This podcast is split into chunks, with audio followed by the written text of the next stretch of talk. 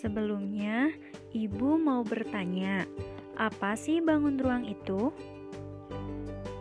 Ya, bangun ruang adalah suatu bangun yang memiliki ruang serta memiliki tiga penyusun, yaitu sisi, rusuk, dan titik sudut. Berbeda dengan bangun datar yang kita telah pelajari sebelumnya, di mana bangun datar hanya memiliki satu sisi dan tidak memiliki ruang.